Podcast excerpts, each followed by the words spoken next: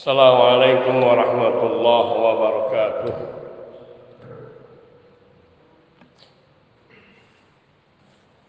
الحمد لله وحده والصلاة والسلام على من لا نبي بعده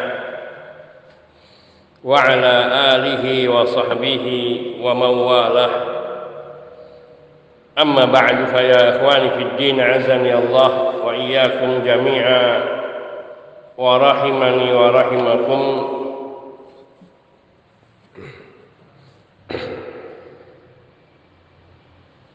kita mencoba untuk mengkaji makna daripada hadis Nabi sallallahu alaihi wasallam yang terkait dengan bab yaitu bahwa umat ini akan mengikuti umat terdahulu dalam segala hal sampai di dalam perkara yang paling pelik dan paling berat serta menyakitkan pun akan mengikutinya. Dan termasuk dalam perkara yang paling besar yaitu ketika umat-umat terdahulu menyembah kepada selain Allah maka demikian pula dengan umat ini akan ada yang mereka menyembah Allah wal billah. Yakni dari penjelasan Syekh Saleh Fauzan Al Fauzan hafizahullah taala terhadap hadis yang mulia ini. Diriwayatkan dari Abu Sa'id Al-Khudri radhiyallahu taala anhu bahwa Rasulullah sallallahu alaihi wa alihi wasallam beliau bersabda La tattabi'unna Au la tattabi'anna sunana man kana qablakum. Tapi lebih tepatnya La tattabi'unna sunana man kana qablakum. Atau sanana man kana qablakum. Hazwal qudzati bil qudzah Dalam riwayat lain Shibran bi shibrin. Hatta law dakhalu juhra hatta law dakhalu juhra dabbin la dakhaltumuhu qalu ya rasulullah al yahuda wan nasara qala faman akhrajahu ay akhrajahu al bukhari wa muslim. Nabi Shallallahu Alaihi Wasallam bersabda, niscaya benar-benar kalian akan mengikuti sunnah-sunnah umat sebelum kalian yaitu pola hidup, pola beragama, kebiasaan-kebiasaan, tradisi-tradisi umat-umat sebelum kalian.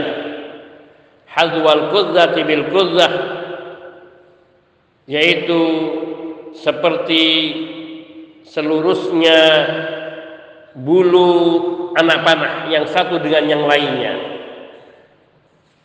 Anak bulu yang panah yang satu dengan yang lainnya itu persis tidak boleh beda. Nah seperti itu juga kondisi umat ini akan mengikuti umat yang lain persis seperti umat yang lain. Hatta laudah kalau juhra sehingga sekiranya mereka memasuki lubang biawak yakni lubang biawak yang dibuat dengan begitu menyakitkan dan sulit dan kecil la dakhaltumuni saya kalian juga akan masuk ke dalam lubang biawak itu yakni seperti orang Yahudi dan Nasara. Para sahabat mereka berkata, "Qalu ya Rasulullah al-Yahuda wan Nasara." Para sahabat berkata, "Ya Rasulullah, apakah yang kau maksudkan adalah orang-orang Yahudi dan Nasara?" Qala, "Faman?" Maka Nabi sallallahu alaihi wa alihi wasallam, "Faman haula illa ghairuhum?" Siapa lagi kalau bukan mereka? As-sanan atau as-sanan itu artinya at-tariq sedangkan as-sunan itu artinya at-tariqah. Sehingga diartikan di sini yakni sebelumnya dikatakan bahwa la tattabi'unna telah jelas kita terangkan yang lalu bahwa la di sini adalah lamul qasam. Lam yang fungsinya untuk sumpah. Sehingga lam di sini adalah maknanya wallahi la jadi kalau ada la yu'minanna ahadukum. Au la ayyahdi Allah bika rajulan wahidan. Maknanya wallahi la ayyahdiya bika rajulan wahidan. Sehingga disebutnya lam di sini lam qasam. Sehingga maknanya wallahi la tattabi'unna. Demi Allah sungguh kalian akan mengikuti dan dikuatkan lagi dengan nunut taukid as-sakilah. As-sakilah itu artinya dengan syaddah. La tattabi'unna nah ini ada syaddahnya. Karena nun taukid itu ada dua. Taukid khafif khafifah dan taukid sakilah. Taukid khafifah yaitu hanya la tattabi'un enggak ada tasdid nunnya dimatikan. La tadkhulun al masjidal haram maka ini artinya saya kamu akan masuk ke dalam masjid haram. Tapi ketika ditambahkan as-sakinah dengan syaddah la tadkhulunnal masjidal haram maka ada dua penegasan. Ada dua taukid penegasan. Sehingga maknanya di sini menunjukkan ada tiga kata yang menguatkan akan apa yang disabdakan oleh Nabi Shallallahu Alaihi Wasallam ini. As-sunan dan as-sanan kalau as-sanan itu tariq satu jalan, adapun as-sunan dengan dhammah itu maknanya adalah at-turuq jamak dari tariqah atau juga jamak dari tariq maka yang membaca sanana maksudnya adalah at-tariq. Ini menurut sebagian ulama inilah yang masyhur. Sedangkan orang yang membacanya sunana maka yang dimaksudkan adalah sunnah. Dan sunnah itu sendiri adalah at-turuq cara, tradisi, metode. Tapi maknanya sama kedua-duanya. Hadwal kudzati bil kudzah. Hadwa di sini mansub karena hal dan kudzah itu adalah bulu bulu anak panah yang anak panah yang diri dilemparkan itu. Maknanya niscaya kalian akan menyerupai umat-umat sebelum kalian seperti Rishah seperti bulu anak panah yang satu dengan bulu anak panah yang lainnya. Ini harus sama persis. Itu ada tiga anak bulu tiga bulu anak panah pada sebuah anak panah itu tiga bulu bulu daripada burung seperti burung merpati atau burung cendrawasih atau sejenisnya. Nah itu bulunya itu harus sama. Seperti kalau sekarang ini bola risah, kok, bola badminton, itu satu dengan yang lainnya persis ukurannya, panjangnya, lebarnya itu persis. Kalau tidak maka dia akan tidak sempurna. Nah di sini diibaratkan, diperumpamakan orang-orang Muslim umatnya Nabi Shallallahu Alaihi Wasallam ini akan meniru dan menyerupai perbuatan umat-umat terdahulu seperti bulu burung yang ada pada anak panah satu dengan yang lainnya yaitu serupa mengikutinya tidak ada bedanya. Hatta lau dakhalu juhra dhabbin la dakhaltumu sampai sekiranya orang-orang Yahudi dan Nasara ini mereka masuk ke sebuah lubang lubang biawak. Niscaya kalian akan masuk ke dalamnya. Al juhra lau dakhalu juhra al juhr dibacanya dengan dhammah ju bukan dengan ja itu artinya as-sarab ini lubang pada tanah yang ada pada tanah yang ini adalah juhra dhabbin dan di antaranya adalah lubang yang dibuat oleh biawak karena biawa ini yahfiru juhran min a'saril juhur. Dia membuat lubang dengan cara yang paling sulit. Ngerong. Dan itu muter zigzag dalamnya. Wa ma'ahada nah, diibaratkan dengan bin lubang biawa untuk menggambarkan sikap umat ini meniru kepada umat-umat sebelumnya yakni perilaku orang-orang yang terdahulu Maksudnya di sini adalah warisan dari umat terdahulu yang dianut sampai dengan pengikutnya. Jadi umat Yahudi dan Nasara seperti itulah karakter mereka di zaman dahulu dan itulah yang terus dilakukan sampai dengan turunannya. Nah, mereka ini sekiranya mereka membuat lubang yang sulit seperti lubang biawak, meskipun itu sulit, berat, menyakitkan, tapi pasti akan diikuti oleh umat ini. Dan kita melihat bagaimana mereka membuat tato pada tubuhnya dan diikuti oleh umat ini yang membuat tato pada tubuhnya. Bagaimana mereka menyakiti diri mereka dengan membuat lubang di antara hidungnya atau di bibirnya atau di lidahnya umat ini pun ada yang meniru perbuatan yang serupa itu. Mengikuti seluruhnya. Wa ma'ahada law dakhalahu al-yahud wan nasara lakana fi hadhihi ummati man yaf'alu dhalika taklidan lahu. Akan ada di antara umat ini sesulit apa pun seberat apa pun sepele apa pun yang dilakukan oleh orang Yahudi dan Nasara akan diikuti umat ini. Akan ada yang mengikutinya, akan ada yang bertaklid kepada mereka.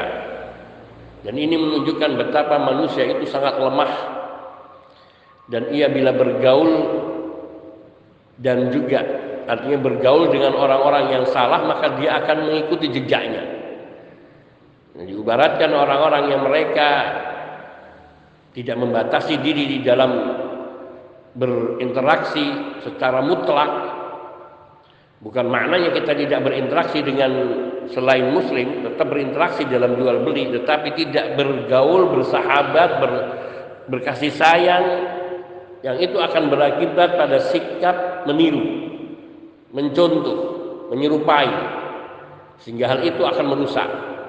Dan itu kadang benihnya ada di dalam ada pada diri pada permulaan pada anak-anak saat pertumbuhan. Maka membuat lingkungan yang baik di keluarga, di lingkungan perkampungannya atau desanya, tempat tinggalnya, masyarakatnya, lingkungan pendidikannya, ini semua harus diperhatikan karena itu semua akan menjadi sebab pertumbuhan dari dari anak. Nabi Shallallahu Alaihi Wasallam mengatakan, "Kullu mauludin yuladu alal fitrah, fa abawahu yuhawidani au yunasirani au yumajjisani." Sungguhnya setiap yang dilahirkan, setiap anak yang dilahirkan itu dia berada di atas fitrah. Di atas fitrah yaitu di atas agama Islam, agama tauhid. Fa'abawahu maka kedua orang tuanya lah yuhawidanihi yang merubah anak itu akan menjadi Yahudi. Au yunasirani atau menjadikan Nasrani. Au yumajisani atau menjadikannya Majusi. Maknanya lingkungan yang terkuat adalah keluarga. Dan lingkungan keluarga yang paling banyak memberikan pengaruh adalah orang tua. Maka sikap orang tua itulah yang akan membentuk perilaku dan pribadi anak. Sesungguhnya ketika kita di alamul arwah kita telah disumpah oleh Allah alastu bi rabbikum qalu bala syahidna. Kita disumpah oleh Allah bukankah aku Rob kalian? Artinya bukanlah aku yang menciptakan kalian yang patut untuk kalian sembah secara esa dan tidak ada sembahan lain yang kalian sembah. Kita semua menjawab qalu bala syahidna. Benar, kami bersaksi bahwa engkau lah Rob kami. Engkau lah yang menciptakan kami dan engkaulah yang patut untuk diisahkan di dalam penyembahan. Namun ketika manusia itu telah keluar ke dunia menyatu dengan jasad-jasad kasar, maka manusia itu akan tumbuh berkembang mengikuti pengaruh-pengaruh luar sehingga itulah yang dimaksudkan dengan firman Allah Subhanahu wa taala innallaha la yughayyiru ma biqaumin hatta yughayyiru ma bi anfusihim Sungguhnya Allah tidak akan merubah keyakinan dan ketauhidan yang ada pada satu kaum yang telah mereka miliki yang mereka bawa dari dari alamul arwahnya. Namun perubahan itu terjadi ketika mereka kaumnya satu dengan lainnya saling mempengaruhi. Hatta yughayyiru ma bi hatta yughayyiru ma bi anfusihim. Sehingga mereka anfusihim itu artinya di antara mereka sehingga mereka kaum itu mempengaruhi satunya kepada yang lainnya yaitu yang kuat pengaruhnya yang akan memberikan pengaruh kepada yang lemah. Maka mencarikan lingkungan yang baik bagi anak itu sesuatu yang niscaya. Kalau kita membangun di dalam kehidupan rumah tangga kita yang benar-benar mengikuti tuntunan dan petunjuk Rasul kita Nabi kita Muhammad sallallahu alaihi wasallam maka niscaya hal itu akan memberikan dampak yang baik bagi anak kita. Dengan cara kita memberikan contoh tanpa banyak kita memerintah. Dengan banyak kita memberikan teladan maka insya Allah anak itu akan langsung secara otomatis meniru Sebagaimana kalau anak kita kita biarkan bermain dengan anak-anak yang nakal, anak-anak jalanan, maka tanpa anak-anak jalanan itu memerintahkannya untuk mengikutinya, maka otomatis anak itu akan meniru dan mengikuti gaya daripada anak-anak jalanan. Artinya bahwa sungguhnya meskipun segala sesuatu hidayah itu datangnya dari Allah, namun Allah Subhanahu wa taala juga menciptakan sebab dan musabab dan Allah berikan kepada manusia pilihan untuk mengikuti kebaikan dan keburukan. Maka selazimnya selayaknya kita adalah mencari yakni sebab-sebab yang bisa membentuk kebaikan pada diri orang-orang yang sekitar kita di lingkungan kita. Nah, termasuk di sini dikatakan bahwa faktor yang paling besar yang mempengaruhi umat ini menjadi yakni meniru dari umat-umat terdahulu karena pergaulan mereka pergaulan. Sekiranya orang-orang muslim itu menjaga diri dari yakni bermuamalah dengan orang-orang yang selain daripada muslim. Artinya tidak membaca dari buku-buku mereka tidak belajar di sekolah-sekolah mereka maka insya Allah dengan hanya memfokuskan kepada apa yang diajarkan oleh kitabullah Al-Quran Karim dan apa yang diajarkan oleh sunnah Nabi kita Sallallahu Alaihi Wasallam maka yang demikian itu akan melahirkan kebaikan yang banyak. Karena Nabi Shallallahu Alaihi Wasallam telah memberitakan yang demikian ini dalam sabdanya sampai beliau mengatakan la tattabi'unna sunana man kana qablakum hadwal qudzati bil hatta law dakhalu juhra dhabbin la dakhaltumuh. Sampai sekiranya mereka masuk ke dalam lubang biawak niscaya kalian akan mengikutinya. Dan sungguh apa yang diberitakan Nabi ini telah terjadi.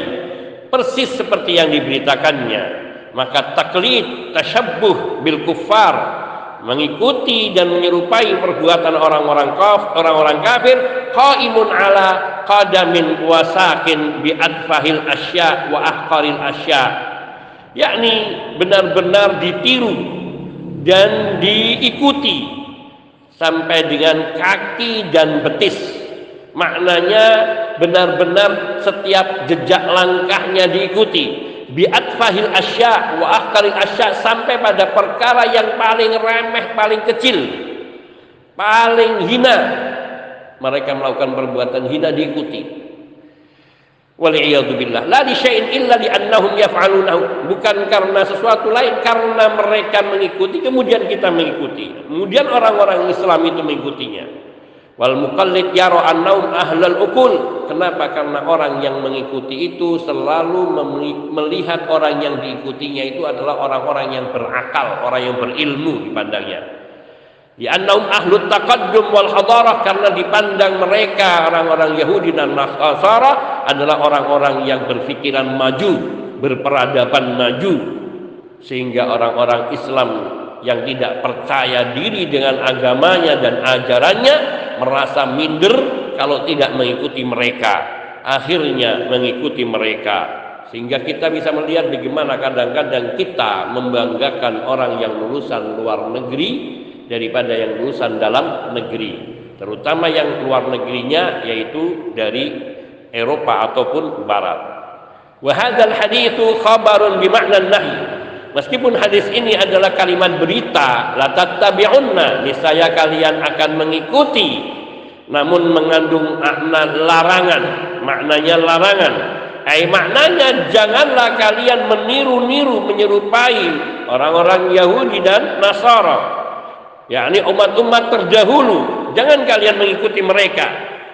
Dan sungguh telah ada larangan untuk menyerupai mereka di dalam sabda Nabi Shallallahu Alaihi Wasallam yang diriwayatkan oleh Imam At-Tirmidzi.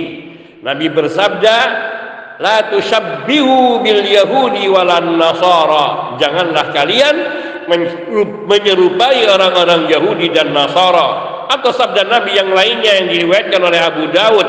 Nabi bersabda, Man tashabbaha biqaumin fahuwa minhum Barang siapa yang menyerupai suatu kaum maka dia bagian dari mereka. Wasyahid min hadzal hadis wadih. Yang menjadi dalil di dalam hadis ini terhadap judul bab di sini sangat jelas sekali. Yaitu ayyakuna fi hadhil ummati may yatashabbah bil yahudi wan nasara fi kulli syai'in akan ada di dalam umat Nabi Sallallahu Alaihi Wasallam ini orang-orang yang menyerupai orang-orang Yahudi dan Nasara dalam segala hal. Al Yahud wal Nasara ya'maluna syirk fala budda ayyujad fi hadhihi ummah man ya'malu syirk mithlahum sawa'un bisawain. Orang-orang Yahudi dan Nasara di antara mereka ada yang melakukan kesyirikan bahkan yang sekarang ini mereka semua melakukan kesyirikan. Maka tentu akan ada pula di tengah umat ini orang-orang dari umat Nabi yang beragama Islam yang melakukan kesyirikan persis seperti mereka sawaun bisawain. Sawaun bisawain artinya sama persis tidak ada bedanya. Kesyirikan yang dilakukan oleh umat ini sehingga salah besar orang yang mengatakan bahwa ketika kita sudah lahir di kalangan kaum muslimin maka tidak ada kesyirikan sampai seseorang itu murtad. Kadang seseorang itu sudah murtad tanpa bisa ketahui, disadari ketika dia tidak mengetahui ada amalan-amalan yang menghilangkan keislamannya. Naam, al-Yahud wan Nasara banau alal kubur. Benar. Memang demikian kenyataan yang tidak bisa dipungkiri. Orang-orang Yahudi dan Nasara mereka membangun bangunan tempat ibadah di atas kuburan orang-orang soleh mereka. Maka yujad fi hadil ummah may yabni 'alal kuburi tashabbuhan bihim. Maka ada di tengah umat ini orang-orang yang membangun tempat ibadah di atas kuburan kuburan orang-orang solehnya tashabbuhan bihim yaitu karena mengikuti perbuatan orang-orang Yahudi dan Nasara. Wan Nasara ya'maluna 'idal Maulid lil Masih sallallahu alaihi salatu wassalam fayujadu fi hadhihi ummati man ya'malu 'idal Maulid nabawi atau 'idal Maulid li Muhammad sallallahu alaihi wasallam tashabbuhan bin Nasara wal billah. Orang-orang Nasara mereka melakukan peringatan kelahiran nabinya peringatan kelahiran Al-Masih alaihissalam yaitu Nabi Isa. Maulid Nabi Isa diperingati setiap tahun sampai sekarang. Dari sejak nggak tahu awalnya kapan. Tapi zaman Nabi Isa sendiri tidak pernah ada peringatan Maulid Nabi. Maulid Nabi Isa maksudnya. Maka di tengah umat ini ada juga orang-orang yang melakukan hal yang serupa yaitu memperingati hari kelahiran Nabi Muhammad sallallahu alaihi wasallam. Dan ini juga motivasinya hanya mengikuti mencontoh apa yang dilakukan oleh umat Yahudi dan Nasara. Kama wujida fil Yahudi wan Nasara man yahliku lihiyatahu wa yuwaffiru syaribahu fayu fawujida min hadhihi ummati man yahliku lihiyatahu wa yuwaffir syaribahu ila ghairi dzalika min anwa'i tashabbu illati la tuhsa misdaqan liqaulihi min rabb min babit tahdhiri wan nahyi sebagaimana telah ada di tengah umat yakni Yahudi dan Nasara orang-orang yang yakni mereka yang mencukur jenggotnya dan membiarkan lebat kumisnya. Maka juga ada di tengah umat ini yang mencukur jenggotnya dan melebatkan kumisnya. Dan berbagai bentuk at-tashabbuh penyerupaan-penyerupaan yang tak terhitung. Dan ini semua merupakan kebenaran dari sabda Nabi Shallallahu Alaihi Wasallam yang telah beliau peringatkan umat ini dan beliau larang untuk menirunya yaitu dalam sabda yang kita bahas di pagi hari ini la tattabi'unna sanana man kana qablakum hadwal quzzati bil quzzah hatta law dakhalu juhra dabbin la dakhaltumuh. Niscaya niscaya kalian akan mengikuti jalan umat-umat sebelum kalian. Yakni satu yang hadwal qudza bil qudza persis seperti bulu bulu yang ada pada anak panah satu dengan yang lainnya. Sehingga sekiranya mereka masuk ke dalam lubang biawak niscaya kalian pun akan ikut masuk ke dalamnya. Maka syahid daripada hadis ini annau la budda ayyujad fi yatashabbah bil yahudi wan nasara fi syirki billahi azza wa jalla yakni bahwa sungguhnya pastilah akan ada di tengah umat ini orang-orang yang menyerupai orang-orang Yahudi dan Nasara di dalam kesyirikan mereka kepada Allah Azza wa Jalla sebagaimana firman Allah Subhanahu wa taala di dalam surat At-Taubah ayat 31 Allah tabaraka wa taala berfirman ittakhadhu ahbarahum wa ruhbanahum arbaban min dunillahi wal masih ibn maryam. Ittakhadul ah ikhtadu abarahum orang-orang Yahudi dan Nasara mereka menjadikan para ulama mereka waruhbanahum dan ahli ibadah mereka orang-orang yang orang-orang yang ahli ibadahnya arbaba min dunillah mereka jadikan pendeta dan ulamanya ini sebagai sesembahan atau tuhan-tuhan lain selain daripada Allah Artinya mereka mempersekutukan Allah dengan ulamanya, dengan orang-orang yang solehnya. Wal Masih bin Maryam, demikian pula orang-orang Nasara secara khusus, mereka juga telah menjadikan Al-Masih putra Maryam, yaitu Nabi Isa alaihissalatu wassalam putra Maryam, dijadikan sebagai Tuhan lain selain daripada Allah dengan mengangkatnya menjadi anak Tuhan. Padahal beliau adalah manusia. Dan Allah itu pencipta. Manusia itu makhluk. Bagaimana mungkin Allah melahirkan makhluk? Sesuatu yang tidak benar dan sesuatu yang tidak logis Allah mampu menciptakan segalanya dan Allah tidak membutuhkan manusia tidak membutuhkan pasangan hidup dan tidak membutuhkan anak karena Allah mampu menciptakan makhluknya dan makhluknya itulah hamba-hamba Allah yang Allah perintahkan dan Allah ciptakan mereka untuk beribadah kepadanya. Ada di antara mereka yang Allah muliakan yaitu dengan kesolehan. Dan juga ada yang Allah tinggikan derajatnya dengan derajat kenabian dan kerasulan. Dan di antara makhluk itu ada yang Allah jadikan sebagai malaikat manusia makhluk-makhluk yang suci makhluk-makhluk yang taat kepada Allah yang menunaikan semua tugas-tugas yang dibebankan Allah kepada mereka.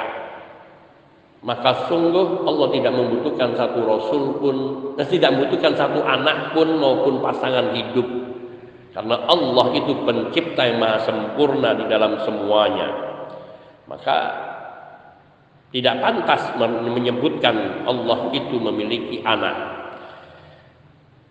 Fala budda ayujad fi hadhihi ummati may bil a'immah.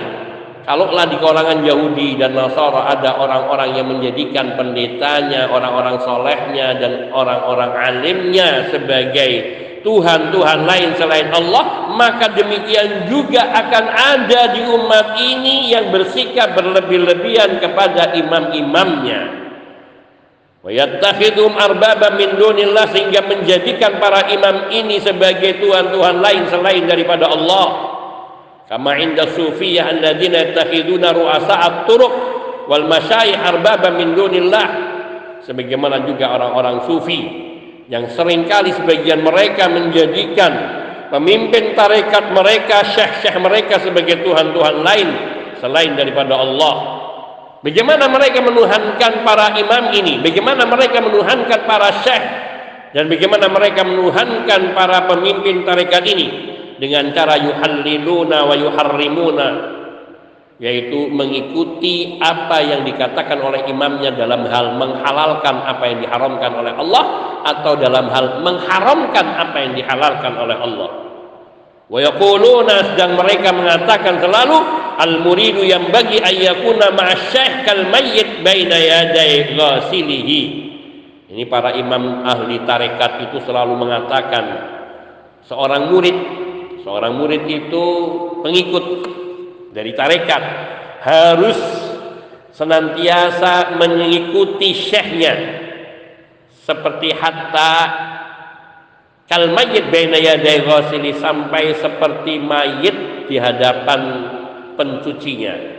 Orang yang menyucikan mayat itu nurut. Mayat itu dicuci mau dibalik mau dinaikkan mau dikeluarkan mau ditekan perutnya diikuti.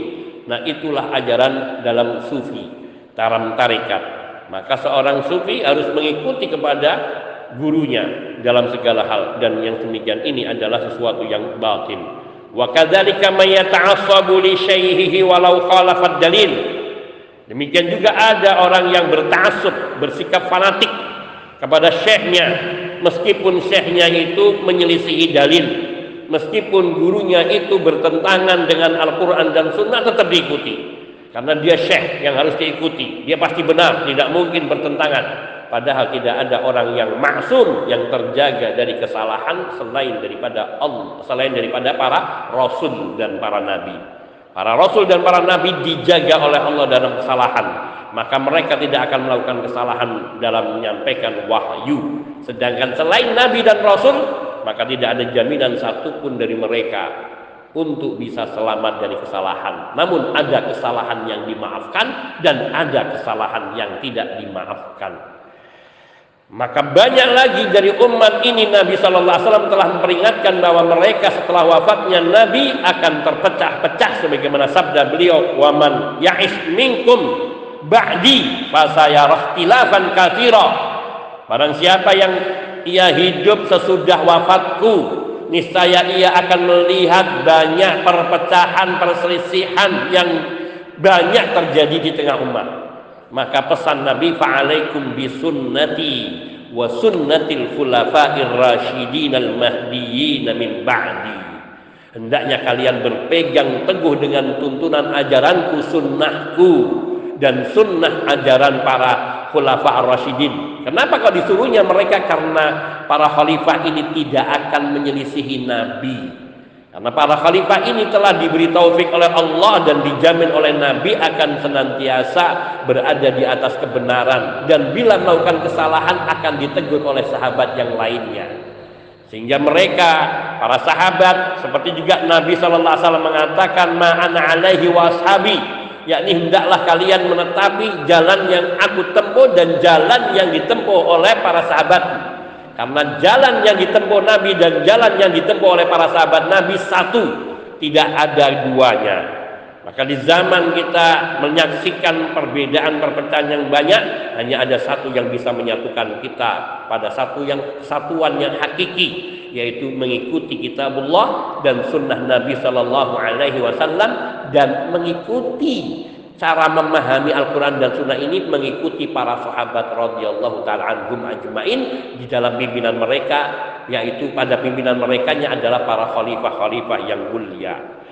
Karena dengan cara seperti ini maka kita insya Allah taala akan bersatu dalam segala hal. Di mana pun dan apa pun bangsa kita semuanya akan satu.